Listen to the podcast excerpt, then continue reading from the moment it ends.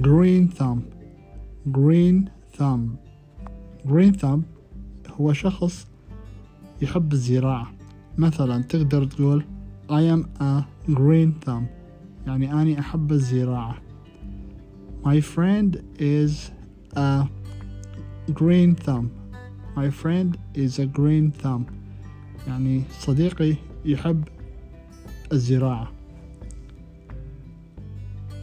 Are you a green thumb? Are you a green thumb?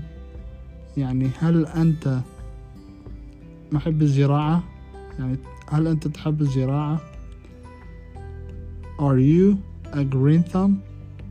تقدر تقول yes يعني نعم أو no يعني لا My father is a green thumb My father is a green thumb يعني أبويا يحب الزراعة